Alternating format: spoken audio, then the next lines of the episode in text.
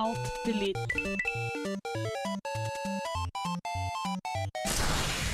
Unable to comply.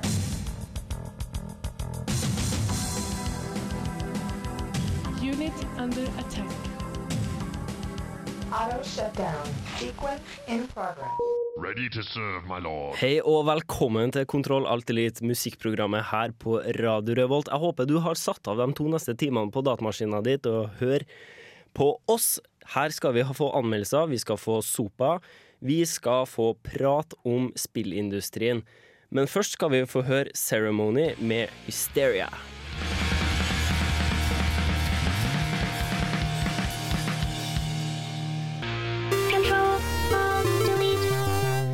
Da var vi her. Kontroll Alt Elite skal gi deg interaktiv underholdning de neste to timene. Det blir bra. Jeg Interaktiv? Ja, altså, de skal i hvert fall høre den på dataen. Eh, og de kan være med hvis de vil, for det er lov til å sende mailer til oss om hva de syns, til nerd.radiorevolt.no. Jeg heter Hallgeir Buhaug, og jeg skal lede dere gjennom programmet. Og med meg på min høyre side har jeg ærverdige Erik. God dag. God dag, god dag. Har du eh, gjort noe spennende i det siste? Ja, nei, jeg har spilt litt uh, Det nyeste plattformspillet jeg har spilt, tror jeg må være uh, Trondheim sentrum i slapsvær. Uh, det blir å hoppe mellom sølepytter og prøve å ikke skli på isen. Det er ganske vanskelig. Ja, det er helt vilt. Jeg har hørt det. Det går ikke an å jukse. Nei. Ikke i hele tatt. Brodda er for kjipinga. Det er som Konami-koden. Are, hei. Hei! Og øh, du var ikke her sist heller, så da må, du si, da må du lage en ekstra ekstra godt nyttår Nettopp. til alle lytterne våre. Yay. Yeah. Har du gjort noe artig? De siste de, Til deg må vi faktisk si siste måneden. Ja. Faktisk. Eh, LOL.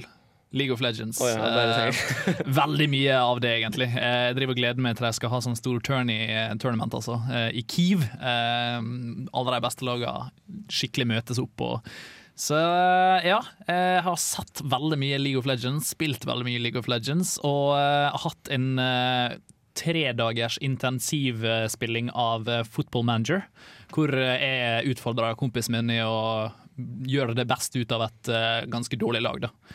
Uh, han vant, så eh, det holder. Med info. Bård, Hei, hei, hei. god dag. God dag, dag.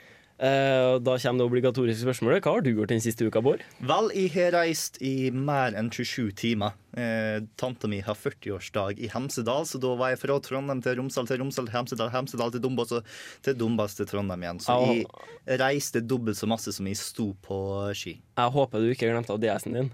Nei, jeg spilte nå litt Mario på veien, selvfølgelig.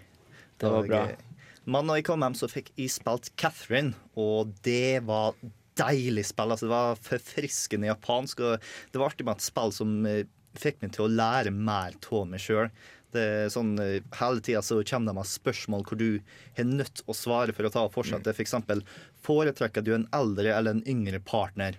Og du får ikke ta og fortsette før du har svart ærlig på det. Det er yes eller no. Eller, er altså, sånn eller nei, den ene eller den andre. Yeah. Altså, det, det, noen av de spørsmålene her er jo sånn at du må faktisk sette deg ned og liksom Hva, hva, hva skal jeg svare på dette? Det, det, er helt sykt. Jeg har aldri opplevd et spill som har på en måte tatt meg såpass da, som det spillet. Det er som om eh, Jostein Gaarder har laga det. Liksom. Liten, liten sånn Sofias verden inni her. Ja, ja. en liten, Det er sånn at når jeg la frem meg kontrollen, så kjente jeg meg sjøl litt bedre. ja. Og så var det deg, Tor, som står der på andre sida av bordet. God dag, god dag. Og hva har du gjort? Jeg har vel egentlig spilt eh, en del Star Wars World Republic. Det kom vel ikke som noen eh, overraskelse for lytterne våre. Nei, i hvert fall ikke han de som hørte forrige ukes sending. Nei, Og så har jeg òg spilt en del Starcraft 2. Det er ikke feil. Nei, det er ikke feil. Det er spesielt ikke feil å i en Protoss mot Protoss gå Nexus først inn i Carrier Rush så Mothership og faktisk klare å vinne gamet. Ja, jeg vet ikke om det sier mest om deg eller om motstanderen din. Det sier vel mest om motstanderen, vil jeg tro. Og de som skjønte det, det sier veldig mye om lytteren. litt, litt om deg òg, ja. Litt om lytteren. Det er vel strengt tatt den demografien vi går etter, ikke da? Uh, Sjøl så må jeg bare si jeg har ikke spilt en dritt. Eh, Jeg har vært eh, opptatt hele uka med mindre eller større pussel og puzzle, så eh, absolutt ingenting. Men det skal det bli eh, andre boller neste uke, det lover jeg. Uh, uansett, nå skal vi sette i gang med litt mer musikk. Vi skal få høre Grimes med Genesis, og du hører på Radio Revolt.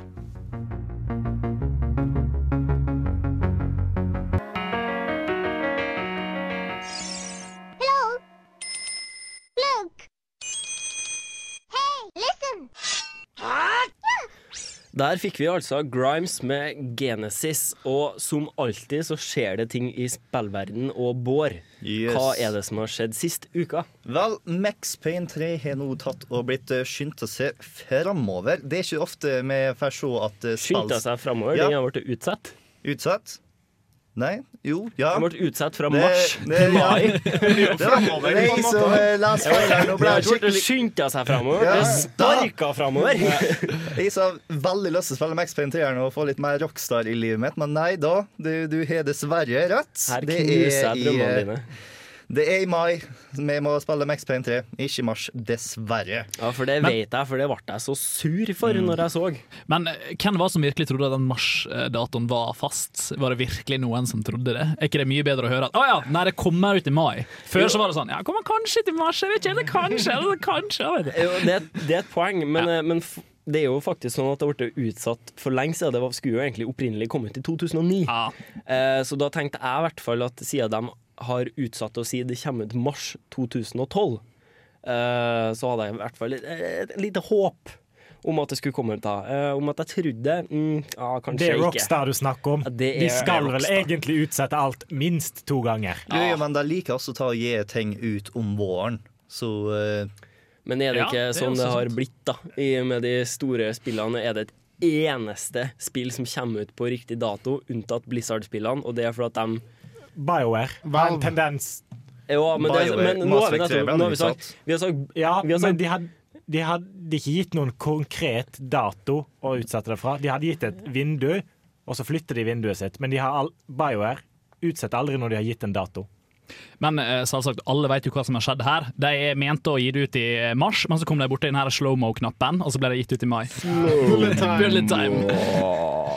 Yes. Bård videre. Vi har flere kjipe nyheter, fordi at Ubisoft er veldig kjent for å ikke like PC-eiere. Det er sånn at du er nødt til å være på internett hele tida mens du spiller, og mister du nettet i sånn et par sekunder, så er du automatisk pirat, og du får ikke lov til å fortsette. Og nå så skal det bli enda verre, for hvis du tar og bytter ut noen komponent i PC-en din, så stoler ikke på at det er samme PC-en du bruker, og da får du ikke lov til å fortsette å bruke spillet. For det, ja, for det her har vi nettopp anno 2077. 74. 74, Ja, det er noe sånt det heter. Eh, på det spillet så var det vel at det var en nettside som eh, holdt på å bytte skjermkort. Som, eh, det var, det var en sånn hardware-nettside som bytta masse skjermkort på spillene sine. Så brukte de det spillet her, eh, eller Ubisoft-titler, for å liksom vise hvordan det- performa med det nye skjermkortet. Men så viste det seg at når de bytta skjermkortet, så brukte de opp de tre lisensene som Ubisoft hadde gitt deg. Og, på en måte til å spille på. Og da bare Nei, eh, du får ikke lov til å spille noe mer. Så ber han å si fra om her til Ubisoft. Nei, men eh, det kan ikke vi gjøre noe med. og, og vi har ikke flere gratiskopier å gi til dere. Nei, nei, nei, nei. nei. Så eh, Ubisoft sin antipiratkampanje. Det, altså, Ubisoft er jo bare helt fantastisk på det. Finnes det flere som Finnes det et selskap som lager flere pirater? Nei, altså det, det Det er nesten som det blir en challenge snart for, for pirater. Bare sånn Å, Ubisoft har et nytt program! Vi må pirate det! Du hadde jo det her eh, hva er kroatiske eller polske selskapet som laga Witcher, som nå sa det at eh, her forleden så først sa de at de skulle gå etter alle dem som hadde sida uh, Witcher 2 på eh, i hvert fall Torrents, eller hadde lasta henne. Og så um, gikk de tilbake til det etterpå og sa nei, det går greit, liksom. Det virka bare som et PR-stunt. eh, at de skulle gå til sak mot alle, pirat, alle som hadde pirater av Witcher 2. Var det ikke noen som fikk med seg? Jo, jeg fikk det med meg. Men nå er det jo sånn med Ubisoft at det er faktisk enklere å laste ned spillet enn å kjøpe det. For Ja. Laster du den ned, så er alle de teite DRM-en vekk, og så kan du laste ned spillet og spille det som et helt normalt spill. Altså, De straffer jo rett og slett de lovlydige brukerne, og det er helt, helt banalt. Og jeg skjønner ikke hvor de vil, og, og de, de må jo vite at det her, det funker bare ikke. Det er derfor jeg synes det er så artig hvordan eh, Notch gjør det annerledes med Minecraft. Det er sånn Noen spurte på Twitter og sa jeg har ikke råd til å betale for Minecraft akkurat nå. Eh, Hva er det vi skal ta og gjøre? Eh, bare ta og laste ned en torrent, du. Og så tenker du å betale når du har tid. Det er riktig. Vi har noen good guys. Eh, vi fortsetter med nyhetene etter Lana Del Rey med Blue Jeans. Blue jeans, white shirt.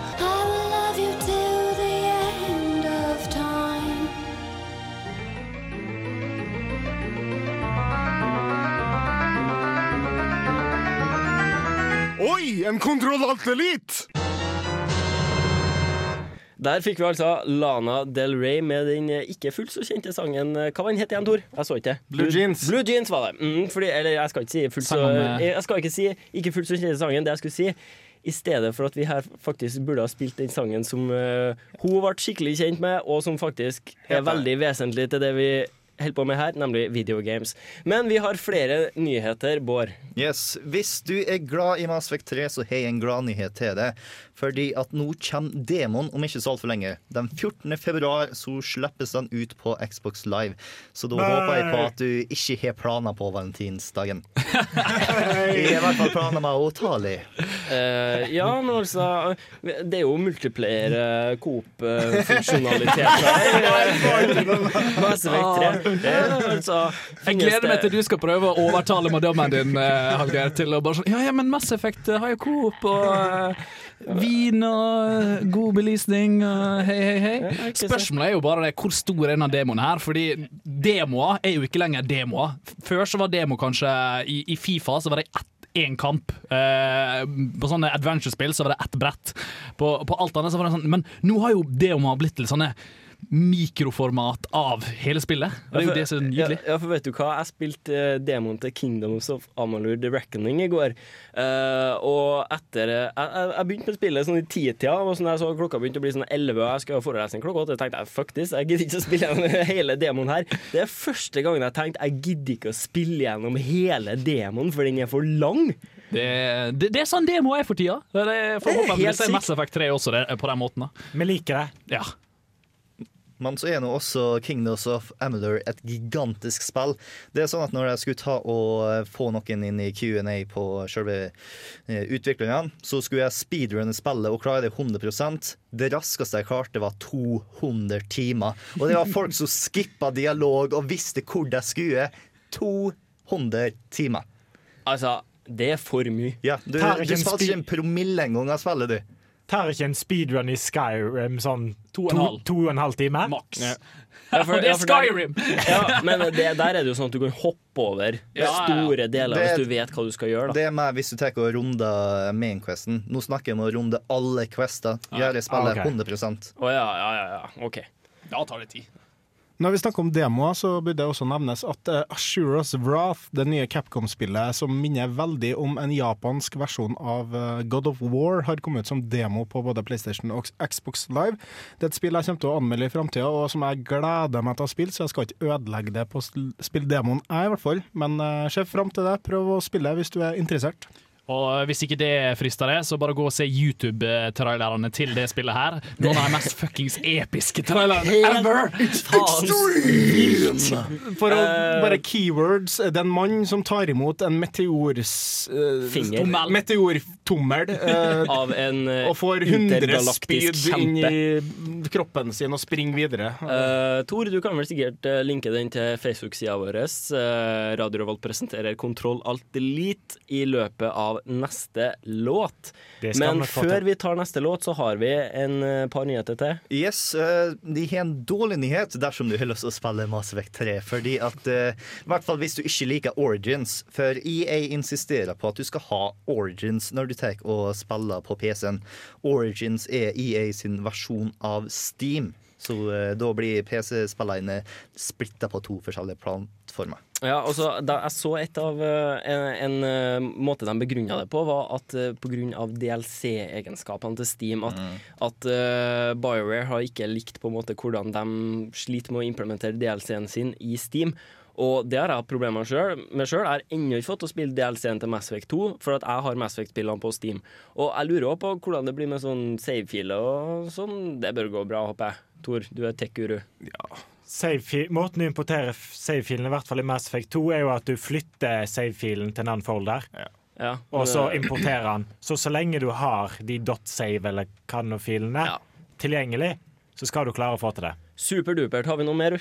Vi har en siste ting, og det er en storsak fordi at uh, SOPA, Stop Online Piracy Piracy Act, den kommer opp på Kongressen nå på onsdag. I dag, altså? Ja, i dag. Og eh, det kommer vi til å dedikere hele andre time til. Mer eller mindre, i hvert fall. Eh, så stick around, listen to our second hour. Den eh, kommer naturlig nok klokka seks. Men nå skal vi høre Bretton med Edward the Confessor.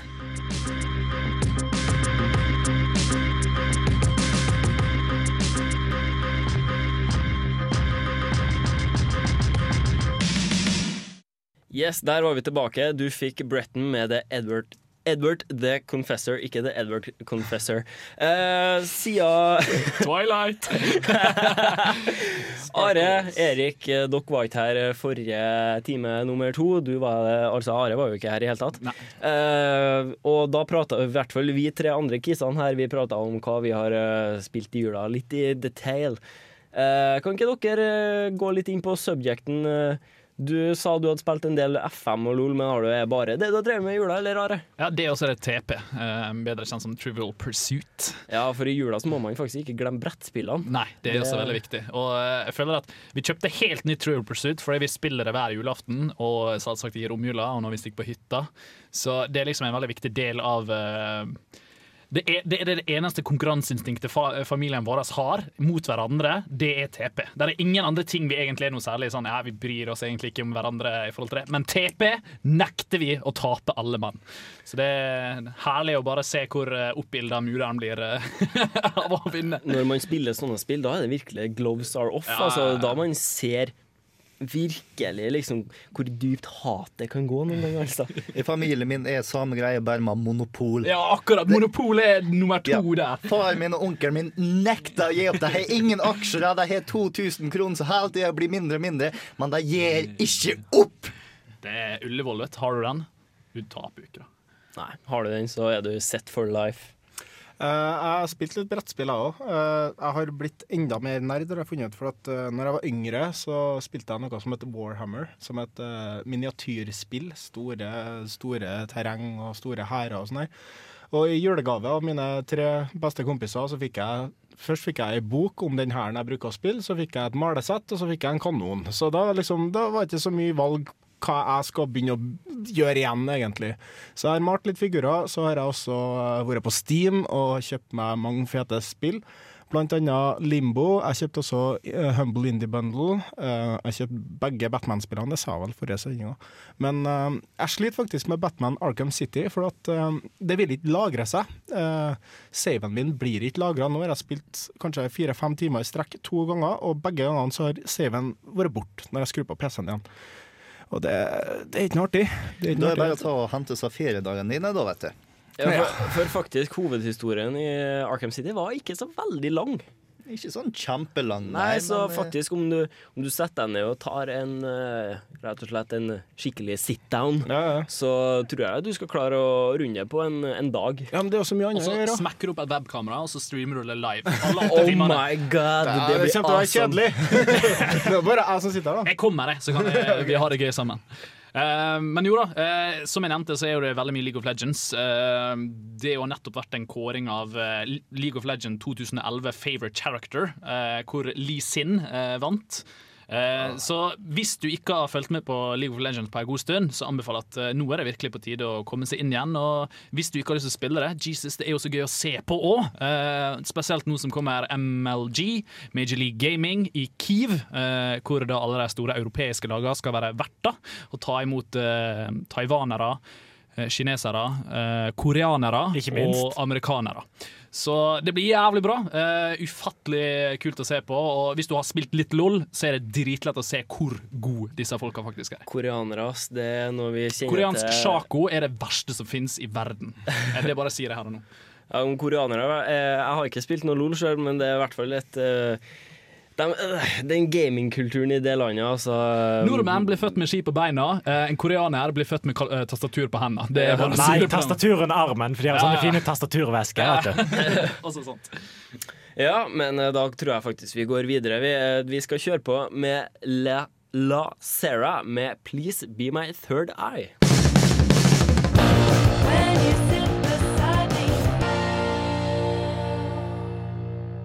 How you doing? This is uh, Sahara Drek, uh, StarCraft commentator. I have not talked to a woman in over a decade, and you are listening to Control Alt Delete.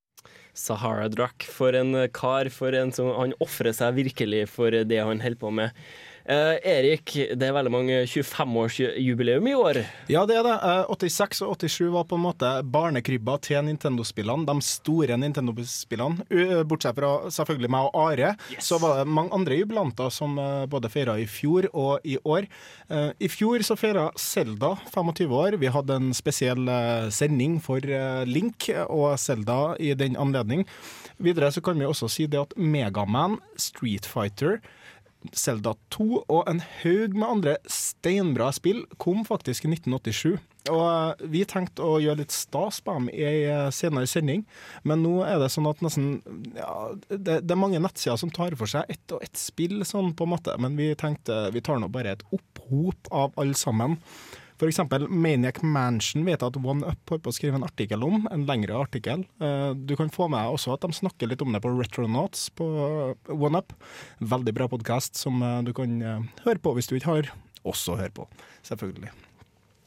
Og for å si det sånn, da. Megaman var jo på en måte den trendstartende plattformeren, hvis du ser bort fra Mario. Da. Den, den gjorde kontrollene så tight og så bra at uh, alt sammen har på en måte sammenligna seg i, uh, i etterkant.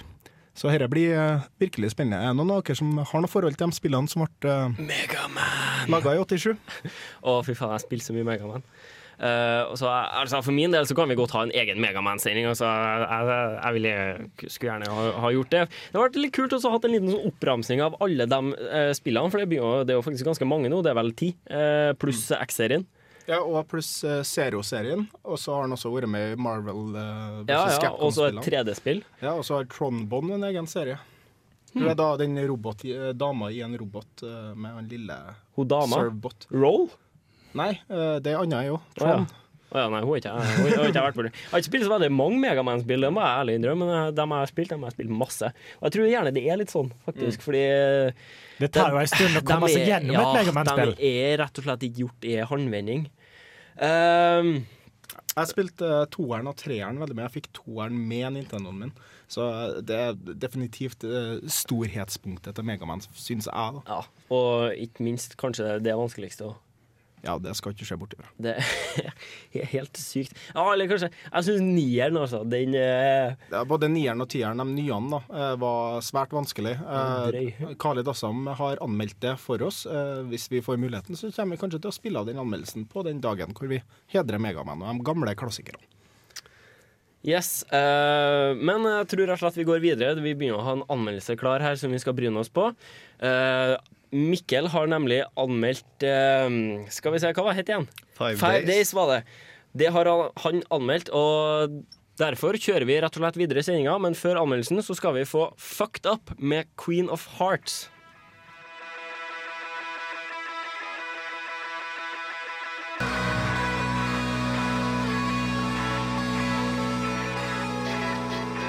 Hey Mario! It's a Mia, ukas anmeldelse. Ukas anmeldelse den presenteres av Mikkel, som akkurat kom inn i studio. Men før vi hører den, så må vi jo høre Mikkel, du som ikke var her forrige gang en gang. Det var jeg ikke, nei. Uh, en gang, en gang. Eh, hva har du gjort i jula? Uh, jeg har for første brukt altfor mange penger på julesalget til Steam, som jeg håper jeg ikke er aleine om. Ja, det er flere. Bra. Uh, jeg har også Når du kjøper spill på julesalget til Steam, så bruker du monopolpenger. Det ikke. Det er en investering, OK? Det er en investering Ja, i en backlog som bare blir større og større. Og den er blitt så stor. Den er blitt så stor. Uh, jeg, jeg pleier ikke å vise den fram til folk, uh, fordi det er litt flaut for mange spill som ligger der. Ja, samme her, altså. Men jeg, jeg føler liksom det, det er bare småpenger, ikke sant? Det er, det. det er litt som å gi penger til en tiger. Og hvis det er en ting som jeg har lært meg fra Skyrim, at når du gir penger til en tiger, så får du en buff som gjør at priser blir bedre. Wow, seriøst? Så faktisk, du kan tjene penger på å bruke småpenger. Jeg, jeg, jeg syns jeg gjorde det da jeg kjøpte spill på Steam. Point being, Jeg har spilt masse Terraria, for det var det nettbooken min tålte. Det var den jeg tok med hjem til mamma på juleferie. Du, faen, jeg lurer på om jeg ikke plukka opp det, jeg og prøvde det i eh, ti minutter. Hva Som, slags spill er det egentlig? Tenk deg Minecraft, og så moser du det sammen til du får en pen 2D-grafikk. Ah. Plattform-ish, akkurat som Mario, men du har en hakke og et sverd, og så graver du den ned i bakken, og så plukker du opp meningsløse metaller, og så bygger du et stort hus. Og hvis så bygger du et enda større hus. og hvis du har kommet deg, lyst til å komme deg opp av bakken igjen, så er det så jævlig hopp at du må faktisk grave deg opp. Ja, men eh, det er jo også det at Jeg vet ikke, Det virker mer på, som en RPG enn det gjør uh, f.eks. Uh, en Minecraft. gjør, For det er mye mer gears, eh, eller gear og dungeon dependent enn det er på en måte det å bygge noe fantastisk. Og der fant jeg motivasjonen framfor Minecraft. For her hadde jeg lyst til å grave, her hadde jeg lyst til å finne ting. For at jeg fant for det første fiender jeg kunne slåss med, forskjellige av dem. Eh, Jeg fant items, jeg fant bosser. Jeg fant karakterer som kommer og bor i byen min, som jeg synes var litt kult òg. Så jeg har plutselig en sykepleierbonus med meg, jeg er en fyr som selger eksplosiver, jeg har en gammel gubbe som bare vaser litt rundt. Spillet er liksom Minecraft pluss pluss, da, man kan kalle det det. Altså, min, på- min påstand er at spill er faktisk ikke komplett før du har en gammel gubbe som vaser rundt og sprer litt visdomsord og sånn. eh, Gjerne it's, not, it's dangerous to go alone. Du har vel egentlig det i alle sånne store RPG-er. Så har du en eller annen gammel fyr som bare er der. Veldig Eller fortellerstemmepreg. Ja, eller en ugle. Men, Hot, de, hot. men den liker vi ikke. Do you want to read this again? No! Yes, yes. Do, do you don't want not me to read this not again? Uh, yes or yes? yes, yes, yes. Da, Så ja, Eh, Terraria. Men du har òg anmeldt et spill for oss. Ja, gud bedre. Uh, nå Jeg, var er det jo jeg tok, sa Five Days i, i sted, men det heter jo ikke det. Nei, uh, det, er, eh, det er jo Sopa-tid, og det er Pipa-tid, og det er Wikipedia er nedetid. eh, som vil si at i dag hadde jeg lyst til å anmelde noe gratis. Så jeg gravde litt rundt. Ikke backloggen min, for den er jeg ikke blitt ferdig med engang. Men eh, i uh, nedlastningsmappa mi, og der fant jeg Five Days of Stranger, som er et spill som uh, han som kaller seg Yatzy, som lager Zero Punctuation-anmeldelsene, har lagd. Og han er en sinna fyr, han er en kritisk fyr. Uh, det viser seg at han kan lage jævlig gode spill. Ikke bare det, han lager skumle spill òg.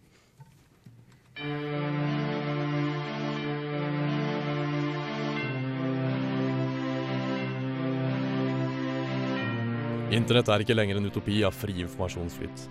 Kina og Nord-Korea har tidligere fått mye pes for idiotiske ting de gjør på nettet, og nå er stafettpinnen gitt videre til statene. Så hurra for sopa og pipa. La oss heller feire noe som er dem imot. La oss nemlig i dag anmelde noe gratis.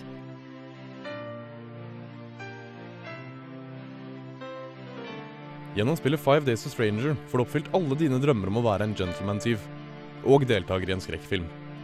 Den berømte og beryktede tyven Trilby tar seg inn gjennom andre etasje en forlatt herregård for å raske med seg alt av verdisaker som er blitt lagt igjen. Vinduet du kommer inn gjennom, nekter å åpne seg igjen, alle dører er låst, og du finner raskt ut at her inne sitter du bom fast. Du er dog ikke alene. Da et skolebarn, en reporter, en skattejeger og en mystisk gærning har klart å forville seg inn i huset, som aldri slipper deg ut. I pikslete pek og klikk-stil tar du på deg rollen som etterforsker og prøver å finne en vei ut av huset, samtidig som det heller ikke er en dårlig plan å lete etter den beryktede skatten som huset skjuler. Skatten viser seg å være godt gjemt, og du må heller ta til takke med å avsløre de blodige hemmelighetene som huset skjuler. Noen er nemlig dødd, og du trenger ikke sekser i matte for å skjønne at noen også kommer til å dø.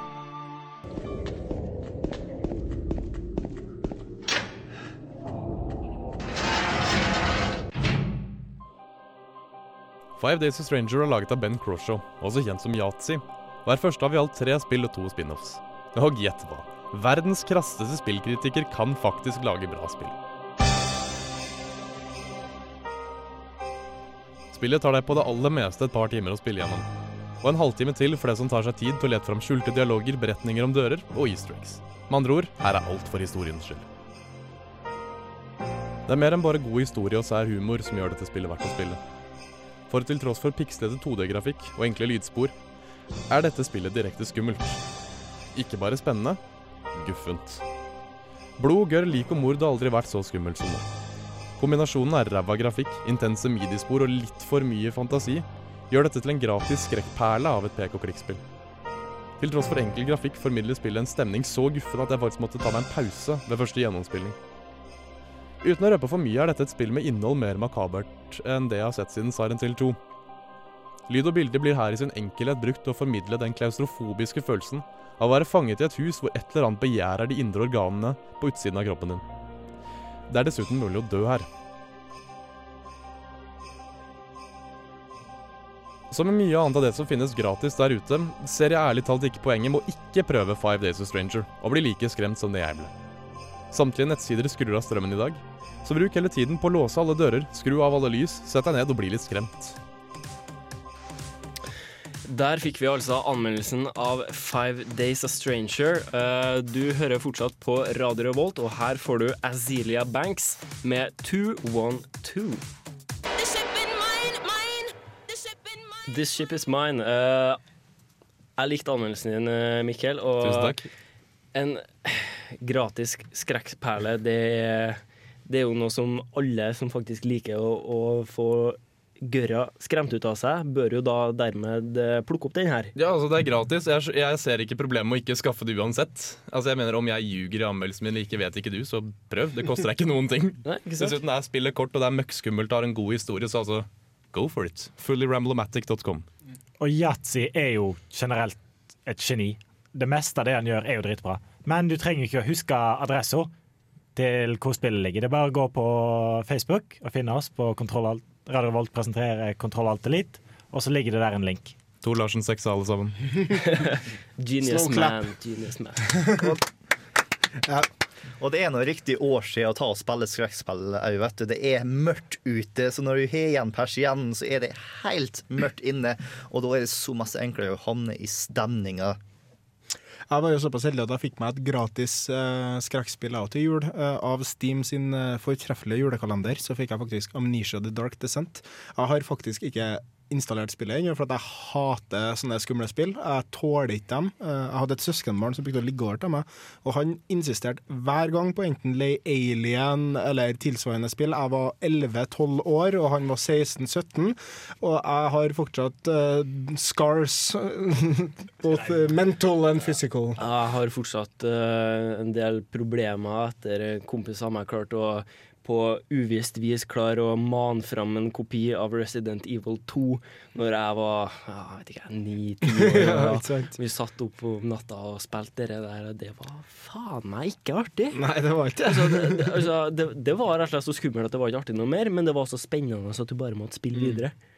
Men det er nettopp det, altså, jeg har spilt disse spillene, og jeg digger jo Amnesia. Jeg syns Resident Evil-spillene, de gamle, er fantastiske, men jeg ble skremt vettet ut av av eh, Five Days of Ranger. Det spillet er ikke morsomt. De gamle Resident Evil-spillene er jo ikke bare skumle fordi de er skumle, men de er skumle fordi at kontrollene er så ubrukelige at du ser det kommer en zombie mot deg, du prøver å snu deg og bare Nei, det går ikke, det går ikke! Nei! Uh, survivor horror, Det er liksom den sjangeren hvor du ikke vet om eh, kontrollen er kamerarelativ eller karakterrelativ, og du finner det aldri ut. Ja, og så- og så, de har av en eller annen merkelig grunn i de spillene der, så det virker som det er noe feil med hjernen til karakteren din. For han, han skjønner bare ikke hvordan man kan bevege føttene samtidig som man har pistolen i hendene. Ja, altså, det er jo tank controls det heter. Altså, du må snu deg, og så kan du gå framover. Du kan ikke gå eller du kan ikke snu deg samtidig som du går, og du kan heller ikke peke noe mens du går. Så sånn, De kaller det tank controls.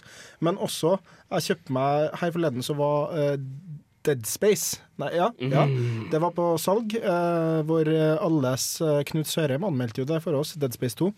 Eh, det er et sånn skvettespill. Eh, er det spillet du snakker om, er det et skvettespill, eller er det mer sånn her artig eller god Stemning. stemning? Vi snakker substens, vi snakker stemning. Vi snakker eh, at altså For det første har det en sjokkeffekt. Det er skikkelig makabert, så det er på ordentlig rett i ansiktet på deg guffent. Men så har det også det stemninga på seg. Du er fanget i et hus med du vet ikke hvem og du vet ikke hva, og noe dør, og noe kommer til å dø, og noe har dødd. Uh, og gradvis så avdekker du liksom biter av denne historien da, som har skjedd inni huset, og det er sære saker. Så det er stemning, atmosfære og historie som gjør det skummelt. Det er ingen bø-sekvenser. Og så er det alltid jævlig når du på en måte er fanga i, et lukka rom, liksom, eller et lukka areale, sånn at du på en måte ikke helt kan bevege deg som du vil. Men no, nok om det, for nå går vi snart inn i time to. Eh, time to, der skal vi snakke om eh, Først og fremst om SOPA og PIPA, altså det Stop Online Piracy Act og What Not PIPA står for. Um, og hvilke, eh, hvilken eh, konsekvens det kan ha for deg. Men før det så skal vi høre Mastodon med Dry Bone Valley.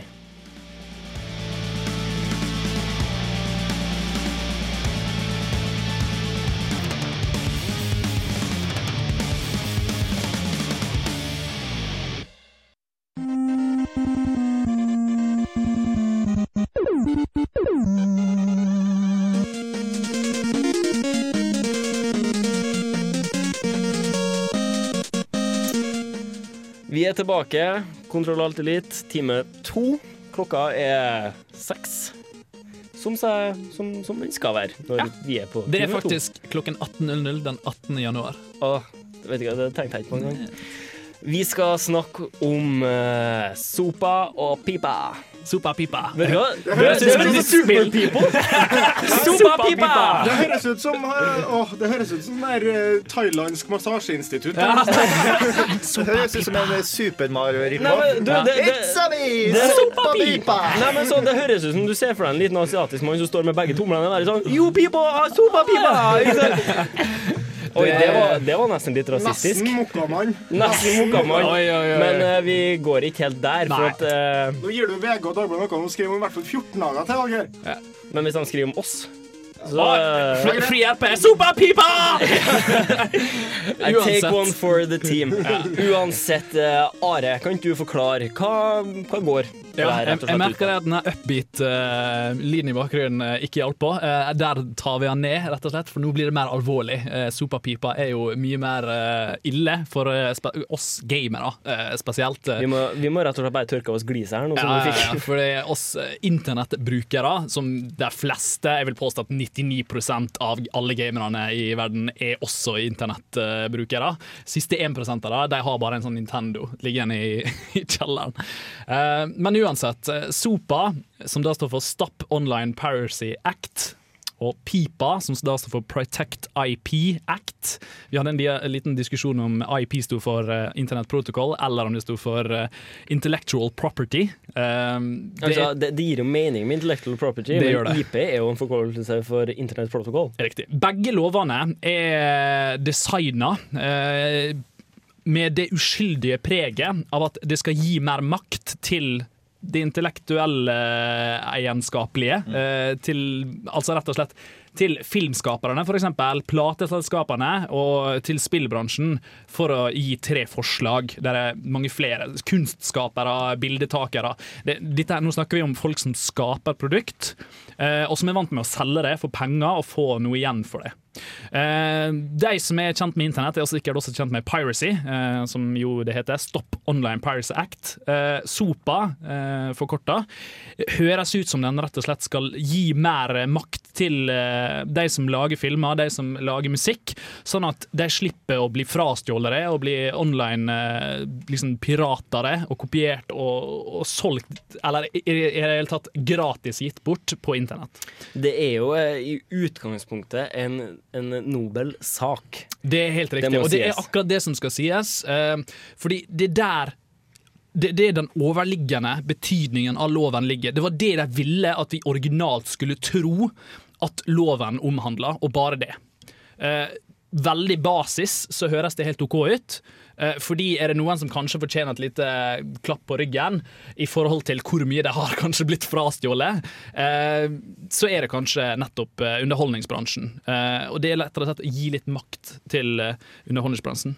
Men når du går litt lenger ned i det, så er det jo da problemene faktisk kommer. Og det er helt riktig. For det de kan gjøre, egentlig, er jo at enhver rettighetshaver til omtrent hva som helst, ikke bare film og musikk, men bilder, stå og si hva som helst, tekst og tekst òg antageligvis, kan gå til en amerikansk rett og, få, og få, ifølge den loven få en kjennelse som kan fjerne nettsida fra DNS. Det betyr at du ikke kan slå opp webadressa. Så hvis, du, hvis Google hadde fått en sånn mot seg, og du hadde skrevet inn Google, så hadde du ikke fått en dritt. Det er riktig. Du hadde fått uh, 404, eller hva det Nei, du hadde vel fått en DNS-error. Ja, det vil bli kanskje. Ja, for nå sier du DNS, og hva betyr det, Tor? DNS står for Domain Name System. Det er i praksis det du skriver inn i webleseren din, er ei internettadresse som blir slått opp på en DNS-server, og som gir ei IP-adresse tilbake til din nettleser, som den går til og henter data. Det er rett og slett eh, adressen bak den adressen vi er kjent som www.google.com, uh, har en egentlig litt mer, litt mer teknisk og sofistikert uh, adresse bak der igjen. Uh, men uansett, det som resulterer i, som Tore sier, eh, at du ikke kommer deg inn på f.eks. Google. Og eh, det er så lett! Hvis denne, eh, disse to lovene her blir gått gjennom De trenger faktisk bare én av dem trenger å gå gjennom, fordi begge to er skrevet såpass om hverandre at begge to dekker det de har lyst til. Nemlig det å få makt over det hele amerikanske internett, hvis det, hvis det fins. Ikke at det egentlig fins, for det er jo internettet. Men de påstår at de skal klare å sette grensene. De påstår at de skal klare å dele det opp. Og de påstår også at de skal klare å sette opp store murer som gjør at uh, brukerne i Amerika, med en gang de i det hele tatt opplever noe pirated eller noe stjålet, så blir det stengt ned, shut down, sensurert. Vi skal snakke mer om uh, hvordan, uh, hvordan det her har innvirkning på ditt internettliv etter vi hører Video Game Orchestra med Vampire Killer.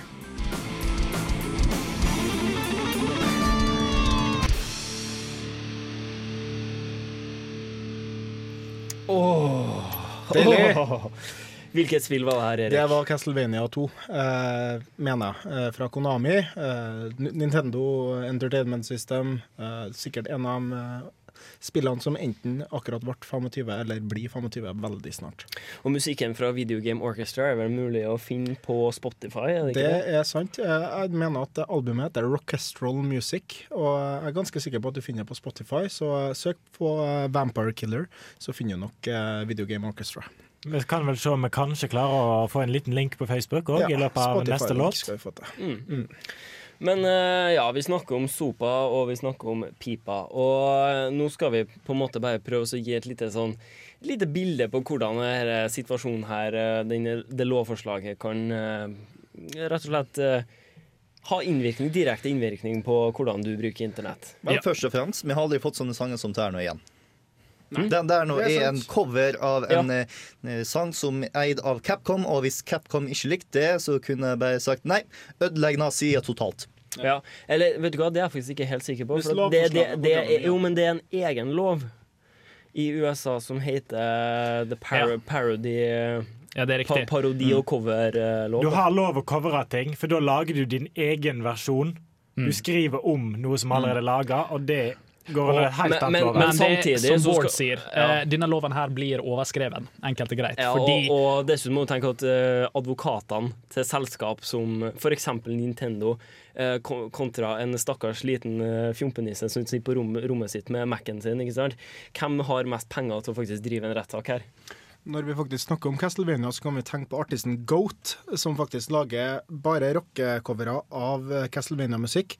Og det har han mest sannsynlig ikke hatt muligheten til å gjort hvis, denne, eh, hvis det her lovforslaget går gjennom. Og dette er en fyr som gjør dette her gratis. Han, Mm. han selger ikke CD-ene. Han, rett og slett gjør det. Legger det på YouTube. Se her, eh, jeg lagde en kul rockesang av en 8-bits-versjon som du hørte for 20 år siden. Er ikke det litt gøy og litt nostalgi? Jo, sier alle sammen. Ingen bryr seg. Ingen selger den og gjør noe ulovlig ut av det. Men det kan rett og slett bli Nei, det får ikke lov til! Stenge hele YouTube. Ja, også, Fordi det er det som skjer med sopa og pipa. Eh, Ja, og så bare for å ta det som et eksempel, f.eks. YouTube eller for eksempel Facebook. Eh, det går greit for f.eks. nettsider med litt mindre brukerbaser, for de kan i mye større grad faktisk eh, passe Regulere. på hvilket innhold som blir lagt ut på nettsidene sine. Men hvor mange brukere har Facebook? En det må faen meg begynne å nærme seg Alle. eh, rundt en milliard, Alle. liksom. Alle. Jeg går Ja, for sant? Bård sitt forslag. Alle, alle har Facebook. Omtrent alle. Ja, Omtrent alle. ja. Mormor har det ikke ennå. Nei. Nei. Så, men-. Alle mine smormorer til Erik. okay, Hvis vi bare sier et tall da, som ikke er helt usannsynlig, vi sier en milliard. Eh, og så sier vi Hvis En. Facebook skal klare å passe på hva hver jævla person av den milliarden faktisk skal klare å legge ut, så må de implementere sensursystemer på, på programmet sitt. Det er riktig. Og for det første, det er ikke sikkert de funker, så de blir blokka uansett.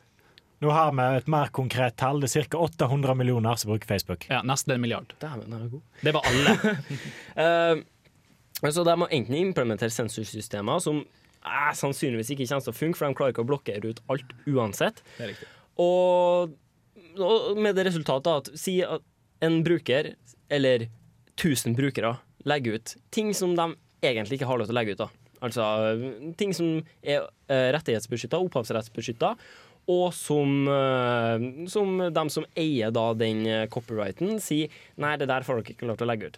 Så sier de til Facebook enten så må dere sørge for at, uh, sørge for at det her aldri skjer igjen, og at dere får vekk alt av det her som ligger ute på nettsida deres nå. Eller så går vi til sak mot dere, og dere må sannsynligvis stenge nettsida deres. Mm. Hvor mange er det som egentlig er interessert i at Facebook skal stenges? Det er veldig få, vil jeg anta. Ja. Eh, Bortsett fra de anti-Facebook-folka, men det, Ja. det er 800 millioner som bruker Facebook. Er, jeg tror det er overtallet de som liker Facebook, enn Ja, de som ikke okay, liker sant. Facebook. Samme. YouTube. Ja, altså det, det, altså det, det er komisk å tenke seg, da. Fordi loven Twitter. gir så mye makt til eierne at det er nesten ikke gøy engang. Fordi du trenger ikke engang å legge ut en link som eh, linker til Pirate Bay eller Torrent Bay. eller noe sånt. Alt du trenger å gjøre for å bryte eh, kopisperrene, hva heter, copyright-loven, er å sitere en sangtekst. Så hvis du siterer en sangtest på flere enn så å si jeg lurer på om loven tilsier seks eller sju linjer, så har du brøt loven, og de kan stenge Facebook.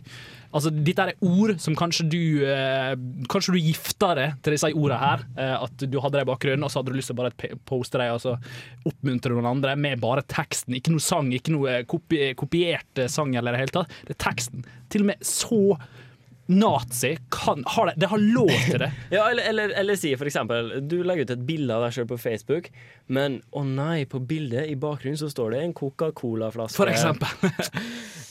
Synne Mac.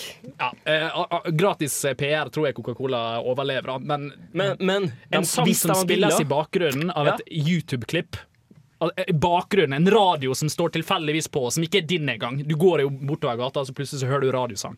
Det var nok. Det er nok i denne loven her til å stenge ned YouTube. Altså, Dere hører det, det går jo ikke. Eh, oi, unnskyld. Det, det går jo rett og slett ikke. Eh, og folk har endelig begynt å få ferten av hva denne loven her egentlig, hvor mye makten gir. da. Det er omtrent som å gi plateselskapene nøkkelen til fuckings Amerika. Og problemet er jo ikke at det gjelder jo ikke bare i USA. For det aller meste av internettinfrastruktur, DNS-servere og den type ting, står i USA. Eller det er ikke alle DNS-ene der, men mange av de synkroniseres opp mot ting i USA. Og så hvis det blir gjeldende i USA, så vil det få store innvirkninger for alle, eh, alle som bruker internett. Altså, Tor, jeg og du vi var jo en kjapp tur innom Globus-sendinga, som var for et par timer siden. Eh, og der uh, snakka vi òg litt om sopa, og de spurte Men hvis, uh, hvis det her blir innført, uh, kan man ikke bare da ta en masse emigrering av alt eh, nettutstyr? På en måte alle servere og sånn? Altså det blir som å bare si ja, men kan ikke bare flytte Florida til Europa. Det, det er ikke så lett. Det er ikke infrastruktur. Dette her er koder er, og, og maskinvare i flere titusentalls mengder. Eh, Google, hvis du ser på eh, Google sine serverhaller, det er enormt. Det, har, det krever strøm som en by, som en middels norsk by, mange av de der serversentrene. Og da skulle bare ta, plukke opp hele driten og så flytte det til vet jeg, Ukraina, for å ta et eksempel. Ja, sted, Sibir. Sverige. Sverige er jo Sverige har allerede Kan bare si at til Svalbard så har du innebygd kjøling. Nei, Sibir. Ja. Og så t- t- ja, Si du flytter det til Sibir, og så trekker du fiberkabel fra Sibir, til eh, Si, ja, si Berlin, da. Berlin altså. eller London, og så greiner du ut derifra. Det ville kosta enorme Ja, mengder. Det, det, det blir, ganske, det blir rett og slett urealistisk. Og så kan man jo se på andre problemer her nå. Vi har eh, det, altså det, det systemet som er snakk om at det skal implementeres her nå, det er jo et system som ligner veldig på det de har i Kina og Iran og Nord-Korea og sånt nå, ikke sant? Rett og slett en, en, Sensurering. Det blir en omfattende sensur av internett. Nå må jeg korrigere det litt. Nord-Korea Ja. har ikke internett. De har Ah, et intranett. Ja. Og hvis du er veldig høyt oppe i kommunistpartiet, så kan du få en tilgang til en sensurert versjon av internett. Ja. OK, ok, kanskje ikke det. Men, men altså, poenget mitt er at det, det frie internettet, da, som på en måte kommer fra Amerika, det er jo blitt brukt i veldig mange demokratiprosesser eh, rundt om i verden der de faktisk baserer seg på internett, arrangerer prote protester på Facebook og så videre. Sånn. Og plutselig liksom sånn å nei, det går ikke an noe mer, for at USA skulle eh, blokkere internett, for at de mente tydeligvis at eh, jo, det var viktigere at dere skal få tjene 200 millioner mer uh, Universal Studios enn at uh, det skal bli fred i verden, liksom. Ja, nei, for det, I Kina og Iran og sånn så er det diktatorer og sånt som har styringa. I USA så blir det kapitalister. Det blir the one percent som sitter med all makta, i stedet for noen som er faktisk blitt valgt av folket. Og som sagt, de som faktisk er fast i disse landene her, som Bård nettopp nevnte, eh, de, noen av dem er smart nok til å skaffe seg en sånn IP-skjuler som gjør at du kan komme deg ut på internett, det fri internett. Men denne loven her har ikke glemt deg heller. Nei, nei, Den inkluderer det og sier at nei, nei, det er ulovlig. Det er ikke lov lenger å skjule sin IP eh, med hensikt av å komme seg forbi den sensureringen vi har lyst til å sette opp. Det viktigste adjektivet her, summert opp kort, er frihet. Rett og slett frihet og kampen mot sensur, rett og slett. Eh, Internett skal være en friplass for alle sammen, forhåpentligvis for evig og alltid. Mer og mer så går eh, altså de store eh, hva skal jeg si, hattkallene, eller kallene i dress, og skal prøve å holde oss ned, rett og slett. Men nå skal vi få høre en eh, sang fra eh, The Old Republic, eh, Star Wars The Old Republic. Det er Peter McConnell som har komponert sangen, og den heter Shake That Wampa Down.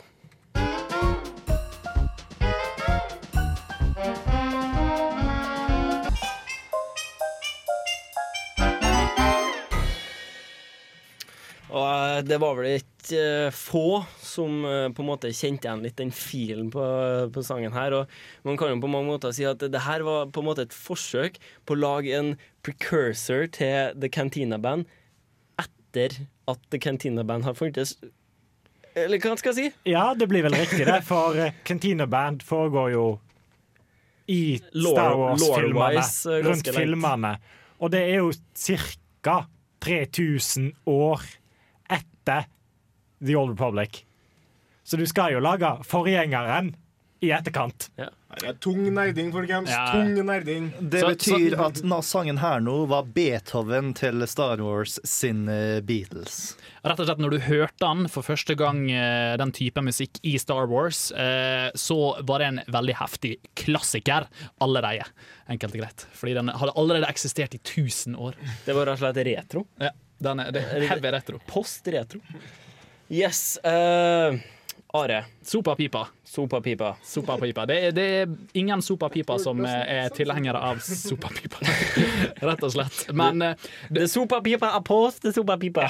Men eh, for å slutte å bli monoton eh, Jeg har skrevet en artikkel som forklarer det veldig enkelt og greit. Og for noen så er det vanskelig å høre. Det høres egentlig ut som bare vi sitter og skjeller ut noen folk nede i- borte i Amerika. Eh, men jeg foreslår at du leser nettartikkelen min, som vi kan godt linke til på Facebook. Men du finner det selvsagt på Den kom kommer på Facebook om Gi meg 20 sekunder. 20 sekunder, og Du finner også selvsagt på radiorevolt.no, hvor du finner alt annet redaksjonelt eh, innhold fra Radio Revolt generelt.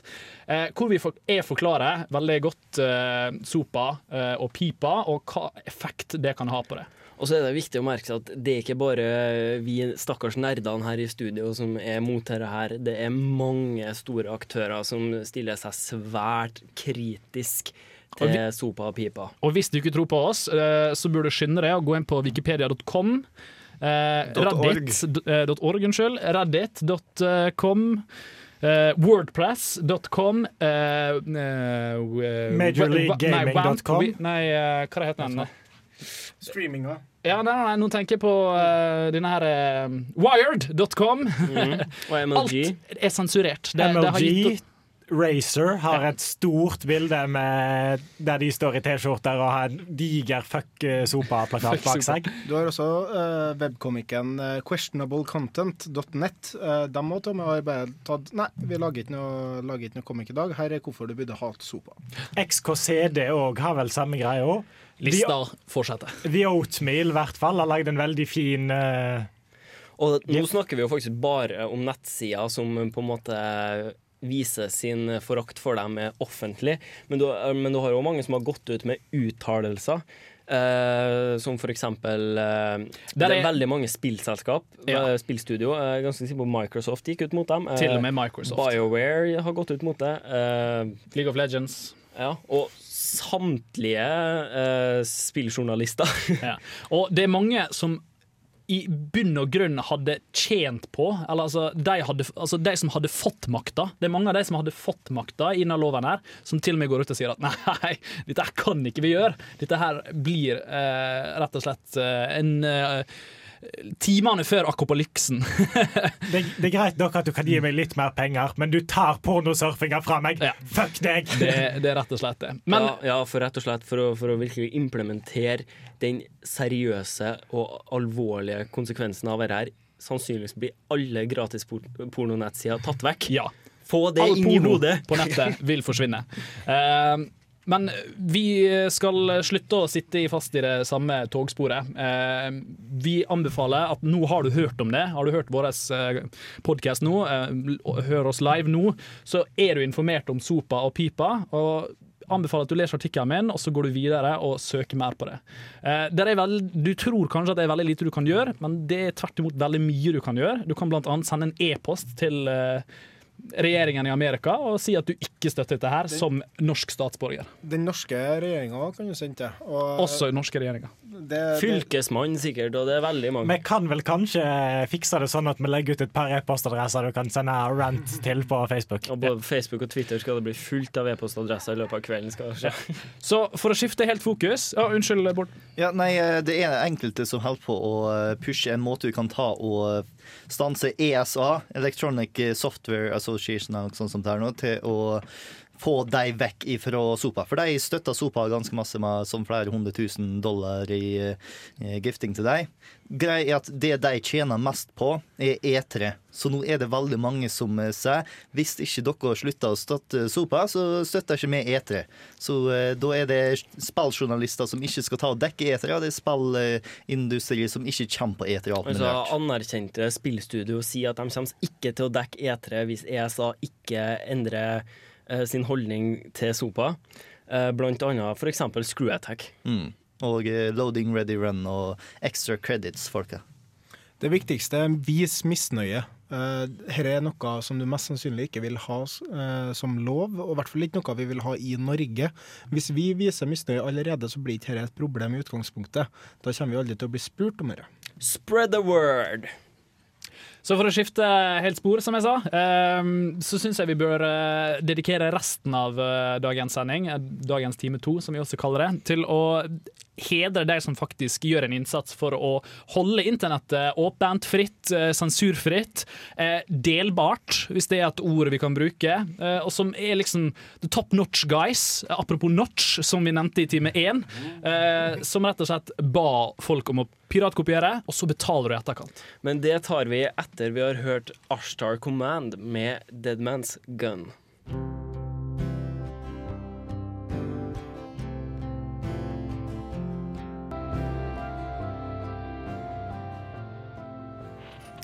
Der fikk vi altså Ashtar Command med Dead Man's Gun, og det var fra hvilket spill? Red Dead Redemption. Mm. Det er den eh, sangen du får i premie når du fullfører spillet. Eller eh, fullfører fullfører, det er jo et sann plattformspill, men eh, når du tar Main Quest i alle fall, da, og fullfører det. Veldig nydelig sang som jeg har fått helt dilla på. For jeg håper dere hørte på teksten. Teksten er helt fantastisk bra. Og passer så jævlig bra til akkurat eh, Lonely Cowboy, Red, Red, Red Dead Redemption-settingen. Og det er jo så synd at det er så mange som ikke tok og fullførte spillet. vet du. Det var mange som kom seg til Mexico, og så satte de seg fast der nå, fordi at slutten på Red Dead Redemption er så utrolig fin. Den er fantastisk bra. Jeg kom aldri så veldig langt i det. Jeg syns, for å sitere Yatzy litt, jeg syns det minner litt for mye om Grand Theft Horse. Um, og så var det veldig buggy. Uh, men uh, Bård sin eh, poeng var at du, slutten på historien, Mm. ikke bare denne sangen her som du får i premie, men alt som er i de 20 minutter før der òg. Ikke bare 20 minutter, de siste Ja, par det timene er fantastisk. Faktisk, jeg er helt enig. Så hvis ikke du har hørt den før, så fikk du den iallfall nå. Den er fantastisk deilig, og jeg anbefaler at de henter opp denne podkasten og spiller akkurat denne sangen her av rundt sommertider når det er veldig varmt og du sitter og ser utover eh, en sjø. Det, det er perfect settingen. For det har jeg gjort sjøl, og det var jævlig bra. Jeg har ikke vært bedre å bare skru, skrudd på den, sånn, det siste minuttet av Lucky Luke, og så bare muta. Også veldig bra. Der han Eh, bare rir ut. Hvor du har eh, Dead Man's Gun I'm spillende i bakgrunnen. Hør på teksten. Yes, yes, yes. Men Are, og før jeg, før jeg avbrøt deg i sted, så var du inn på noen tema. Altså, og det var hvilke good guys of internett har vi? Ja, for jeg føler at nå har vi fokusert altfor mye på the bad guys. Og hvis du fokuserer for mye på the bad guy, så ender du ofte opp med å bli en bad guy sjøl, fordi du har lyst til å hevne det. Rett og slett Anakin Skywalker. Eh, Rett og slett Anakin. Apropos Star Wars og hele pakka, jeg syns vi er så flinke til å koble våre tema til spill. Ah, eh, men vi må jo rett og slett prøve å dytte frem de gode, the good guys, uh, good guy Gregs uh, av spillverdenen. Uh, blant annet Notch, som jeg akkurat rett og, og rakk å nevne. Og Steam generelt føler jeg er en à la good guy uh, innen spillverdenen. da. De prøver iallfall. Jeg, jeg merker at Volve og Steam-gjengen prøver å gi tilbake en til the community. Uh, han eh, eieren av, uh, eller i hvert fall sjefen, han Gabe, uh, heter jeg. Gabe Newell. Ja, han har jo også gitt bort spill til folk som bare har spurt på et forum sånn Jeg har ikke penger til å kjøpe meg Team Fortress, eh, hva, eller jeg, jeg vet ikke hvordan spill jeg skal spille, jeg har ikke noe penger til å kjøpe noe, noe, noe spill jeg kan kjøpe. Og så kommer bare Gabe inn på forumet og ta Team Fortress 2, her, vær så god. Eh, Eller Half-Life, for eksempel. Good guy Gabe. Team Fortress 2 er noe gratis til absolutt alle Nå, sammen. ja! Men det, ja. det var ikke det før. Men eh, det også, Steam har også en sånn typisk hvor du kan kjøpe spill, og så kan du gi det bort til en kompis som har en Steam-account. Eh, som da, da får de en kode, så kan de laste den ned. da. Og det, det er også, Spesielt på Reddit så er det et veldig sånn community hvor folk kjøper spill til hverandre. Det er ingen som kjenner hverandre, men uh, OK, I'm, I'm broke, uh, my house burned down, og now I don't have a, can't afford a Christmas present, var en veldig sånn kjent uh, ting. Og folk spydde jo spill på deg. vet du Ja, men her, her du skal få litt spill Jeg hadde et ekstra Mass Effect 2 og hadde et ekstra Dead Space og hele pakka. Bare, bare ta. Ja, for det, det er faktisk Det er et gjennomgående på en måte En ting som en ting som rett og slett bransjene bør merke seg, det er at hvis forholdene ligger til rette for det, så ønsker de å betale. Ja. Folk vil ikke være pirater så fremt de ikke kan unngå det. Og, og, og De aller, aller, aller fleste. Og så har du sånne fjomper, sånn som Ubisoft, som legger på DRM-helvete, som gjør at fa- faktisk det lønner seg å laste ned spillet, for da får du i hvert fall et ordentlig spill. Ja. Så, men så har du liksom sånn, sånn Det legges til rette. Steam legger til rette så at vi kan kjøpe spill. Og så har du sånn type Netflix og sånn som gjør, i hvert fall i USA, som legger til rette for at man kan Hulu. Ja, ikke sant, Hulu, og så har du sånn på Zoom på Xbox sånn, som gjør at du kan leie filmer. Og så har du Bare hold an litt. Og så har du iTunes, som eh, gjør at folk kan, kan eh, kjøpe sanger og album og sånt. Og herregud, det selges jo som hakka møkk. Så ikke kom og fortell meg at problemet her er at folk absolutt skal pirate ting. Altså, problemet med piratene var, eh, så vidt jeg vet, større for ti år siden, når man ikke hadde digitale distribusjonskanaler der man kunne kjøpe. Men Napster kom, ikke sant? Napster kom og shaka litt opp i det. Og så tok det ti år med piratjakt før de faktisk skjønte at hei, men hvis vi bare gjør dette her sjøl, og får dem til å betale ti cent for en sang, eller eh, rett og slett én dollar, så liksom Hei, da vil jo faktisk folk kjøpe denne dritten her. De, har bare, de er bare ikke interessert i å gå på butikken og betale overpris for et helt album med drittsanger for å få den ene sangen som de faktisk vil ha. Eller rett og slett at de egentlig ikke har lyst på denne, boksa, eller den CD-en, eller uh, work-arten som er på den eh, produksjonstingen. Det koster mye å lage disse tinga. Jeg har bare lyst til å laste det ned fra datamaskinen min. Ja, du vil ikke ha den boksen som du må ha i hylla, og den CD-en du må, og lisenskoden du må ta vare på for evig og alltid. For mister du den, så har du et ubrukelig produkt.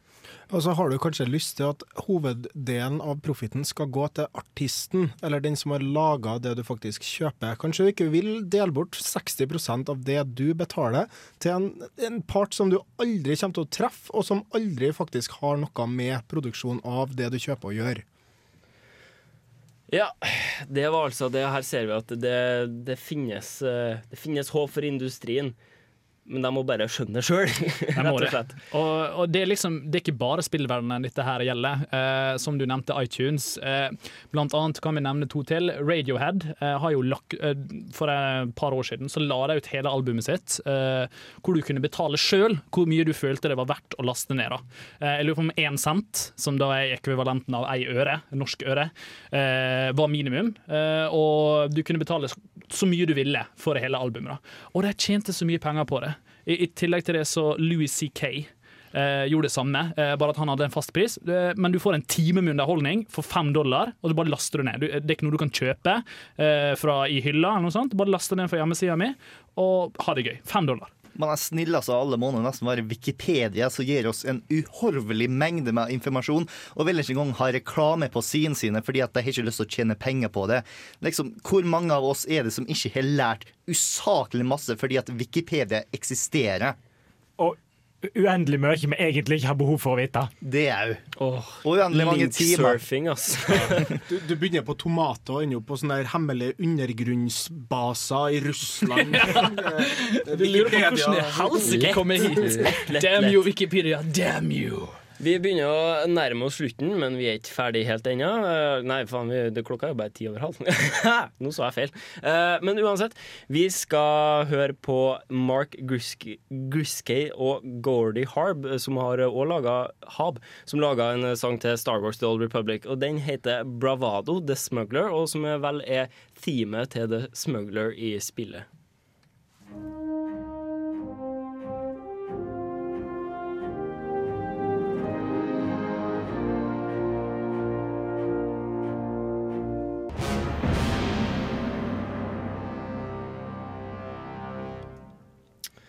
Det var altså fra smugleren i Star Wars. Har du prøvd noe smugler ennå, Tor? Nei, jeg har ikke det, men jeg har spilt eh, motstykket på Imperial CO, som er Imperial Agent. Der har jeg vel en på level 17, tror jeg. Er, er det motstykket? Blir det ikke Bounty Hunter som blir motstykket? Nei. smugler er sånn Vi løper rundt med blasters eller stab folk i ryggen. Å ja, ok, okay. Er det han som... Alla Rogue. Ja, det Rogue. blir vel det. Men eh, har de fiksa den dance-buggen, eller? Jeg tror den patchen kom Han skulle kommet i går, men han ble utsatt til i dag. Dancebug? Så, ja, du kunne bruke slash dance hvis du var i combat, og så dodga du plutselig alle attacks og sånt sånn. det, det var, du var uovervinnelig når du byt, brukte dance-emoten eh, mens du var i en fight. Det minner meg om en film. Der fins et par tusen sånne filmer hvor eh, det er en fyr som løper opp til en skikkelig svær fyr, og så begynner han å skyte, og så blir han skutt på, og så plutselig kommer Can't touch this! Da, na, na, na, na, da, na. Og så står han bare der Ja, men eh, dør aldri. slash dance er jo ikke den tøffeste dance-emoten i spillet. Det er det ikke. Det er da Det kommer an på. For human males i hvert fall, så er det slash get down. uh, get down on it. Er den liksom Det sånn dansen til den? Nei, det er vel ikke akkurat den, men det, Og det som er veldig kjekt med spillet, er at du kan kjøpe såkalte rhythm augmentation droids. Det er en droid du, kan, du har i inventoren din, og så trykker du på den, og så popper du ned en droid som spiller sånn eh, Cantina-musikk i 30 sekunder og forsvinner. Så hvis du da driver og ganker folk, og så tar, tar du av buksene på karakteren din, kjører ned en sånn droid, og så slash get down når de dør. Nice. Det, det er slemt. Det, blir jo som teabagging. Ja. Det, Ja, det blir det Det, det, er bare en snill form for teabagging. Jo, men- Snill form for teabagging? Nei, det er ikke en snill form. Det er enda også altså, jeg føler Når du teabagger når du genker det, det, Da er du slem, altså. Ganking i seg sjøl er jo en Ja, og så begynner teabag etterpå. Liksom. Da er du faen meg slem. Da er du kjip. Det, da mangler du nettikett. Ja. nettikett. Netikett. Netikett på PVP-servere fins det ikke. Det er helt sant. Og da kan jo vi endelig hente oss inn igjen i sendingen. Fordi eh, bedrifter der ute burde lære seg netikett eh, Mm. veldig ofte. Hvor mange ganger har dere opplevd at eh, spillbedrifter eller internettbedrifter driter over brukerne sine? Folk de får penger for. Folk de rett og slett altså Kundene deres. Og de driter langt over. Vi har jo nevnt Ubisoft allerede. Uh, er det flere Det, altså, jeg spilte jo Batman Arkham City her, og det er flere. Det er ikke bare jeg som sliter med det save-problemet, sånn at save-fila bare plutselig går bort etter flere timer spilling. Og det virker rett og slett ikke som de går inn i forumene og sier ifra engang. Det er bare Vi gir en fin faen. Eh, Forhåpentligvis er det noen som jobber med dette. Vi er ikke helt sikre, men vi skal prøve å se om det er noen som jobber med det. Altså, jeg, jeg, jeg, har veldig, blitt veldig sånn skeptisk til når de ikke gir informasjon når det er ting som er, er, er gått ned og sånt. I, spesielt etter vi har fått det med Sony som har vært hacka og sånn. Så jeg merka i går så var det noe litt sånn halvstress med Xbox Liven min, der jeg ikke fikk til å komme inn på den, og så sto det bare sto på nettstedet til Microsoft ja, vi har litt technical difficulties, og så uka før der så hørte jeg at det kanskje var en spesiell sånn måte du kunne hacke eh, Xboxene på, at det kanskje har blitt gjort, ikke sant? Så bare tenkte jeg Yes, this is good news. Yes, I like. Me go change my password now. Ja, jeg gjorde det, for å si det sånn. Uh, men vi har, uh, vi har mer musikk, vi. Tor. Vi har mer musikk. Så jeg tror vi kjører på med Nobo Uematsi med Black Mage Village, og det er vel fra Final Fantasy 9? Ni. Ni er riktig. Mer ny musikk.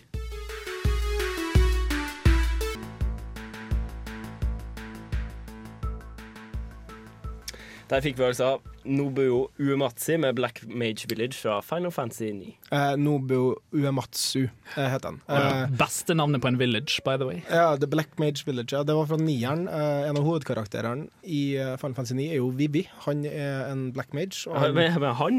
ja. Vivi? Ja, jeg hadde, jeg hadde den faktisk på Vi har jo den eh, snedige tradisjonen for dere som ikke kommer herfra, at vi har russefrakker i Trondheim. Og jeg hadde faktisk da Vivi på russefrakken min. Nice. Og han, da, han har ei eksistensiell krise, for at alle black mager i um, Final Fantasy 9 de er manufakt... Altså, de er laga. Så han vet faktisk ikke om han har en sjel eller ikke, stakkars lille Vivi. Så det er da sangen for alle de andre black magene som stakk av fra dem som laga dem, og laga sin egen lille village. The Black Mage Village. Mm, mm. Artig at de liksom, når de, kunne liksom, de skulle stikke av fra noen som hadde faktisk laga dem, og så skulle de lage en by. Og så for å da prøve å skjule seg mest mulig, så kalte de en Black Mage Village. Burde jo heller kalt han White Mage Village for ja, sånn, sånn. Oh, There's, oh, there's no black village uh, Nei, black mages here village. The, no, no, no, don't look here. Yes, a random spot in your map. Do not pay attention to here. Men uh, vi må jo oppsummere sendinga. Og Bård, Yes, uh, greia er at internettet i sin funksjon er et fungerende anarki, og det finner du ikke i den virkelige verden. Har, det som ødelegger den virkelige verden, er folk. Folk har kanskje lyst til å ta og leve uten ledere og regler i et par år, men så er det en eller annen stor gjeng som bestemmer seg for at hei, jeg kan ta over denne plassen her når man har nok makt. Men sånn har det ikke vært på internettet så lang tid. Helt siden 1960 etter annet, så har det ikke vært noen store bøller som kunne tatt over den ville vesten vi har alle kattebilder av pornoen vår på. Men nå, vet du, nå er det noen som tar og rir inn med mørke hatter og har lyst til å ta over. og det håper jeg på at vi klarer å stanse. La oss være indianerne på åsen som bare rir ned og sier 'fuck you guys'. You may take away my Wikipedia, but you'll never take away my lolcats. My lolcats! Istedenfor freedom i slutten av uh, Braveheart. Nei, men det å innføre sensur på internett, det blir jo omtrent som å prøve å innføre moderator moderatorer på 4chan. Det går ikke. Du kan prøve, men det kommer til å ende opp med en eller annen form for helvete. Du kommer til å bli hacka og lagt ut uh, linker til din Facebook-side. Det er jo det som kommer til å skje. Og folk kommer til å komme og bæsje på, på, dør, på trappa di. Ikke sant? For, de- for de- 4chan, they are everywhere. For å, for å avslutte det hele, så er det det at det å kalle internetten i Kina er nesten ikke å kalle det internett. Det er Kinanett. Eh, Det samme med Iran. Det er Iran-nett. Og i Syria Syria-nett. Det er Det er nesten som tekst-TV, vet du. Det er nesten som tekst-TV. Og bare tenk det, har du virkelig lyst på et Amerikanett? Et, eh, det blir vel egentlig et George Bush-nett. Eller et George Bush-nett. Hamburgers, hamburgers. Hamburgers. Uansett. Uh, Lolcats for life. Men neste uke, da skal vi faktisk ha 20, Div 25-årsjubileum. Vi, skal, vi skal prøve å oppsummere ganske mange spill i løpet av to timer. Og da skal selvsagt eh, den ene av de to 25-åringene i eh, holdt på å si salen Vi sitter absolutt ikke i en sal, men i studio. Uh, bare progis, nemlig meg. Uh, og Erik, det er jo din lille baby, så jeg og han skal geleide dere herlig gjennom eh, 25-årsjubileet til mange av våre kjente og kjære spillfenomen. Det blir eh, Tsjernobyl-retro. Eh, Det, det var vel, vel å merke i 86, men eh, vi skal tilbake til 1987 og se på hvor mange av de kjente, kjære spilltitlene tok sine første babyskritt. Apropos det, har Stalker 2 kommet ut? Nei, jeg tror ikke. Jeg Nei, sikker. det, jeg tror det Man skal komme ut. Det kunne ha vært så passende å anmelde det. Hadde vært eh, veldig fin. Men uh, 25-årsjubileum altså neste uke. Be there or uh, miss it. Uh, Eventuelt laste ned etterpå på podkast. det også fungerer helt fint. Som du kan gjøre med denne sendinga her. Vi er ikke sånne rettighetsnazier. Vi legger ut det vi har på internettet. Vi kødder på ikke. det, laste ned. Vi kødder ikke engang. Hvis du laster ned denne podkasten og selger den på gata i Oslo, kjør på. Det blir mer PR for oss. Det er null stress for min del. Du skal bruke mine quotes som bare faen. Legg dem, legg dem ut på Facebook om du må. Eh, Twitter òg. jeg er ikke lei å be. Men uh, uansett, du finner podkasten vår uh, på radiorevolt.no. Og iTunes og uh, en stream on demand, hvor du kan ta og høre alle så fine spillmusikkene vi har. Bare ta og se øverst i høyre på radiorevolt.no. Ellers, lik oss på Facebook. Radio Revolt presenterer Kontroll Alt elite. Vi er ferdig for i dag. Du skal få høre Maluka med Age of Aggression, som er en sang fra Skyrim. Nå sier vi ha det og takk for oss, og så høres vi igjen neste uke. Ha det bra! Lolcats! just about done. We'll drive out the storm cloaks and restore what we own. With our blood and our steel, we will.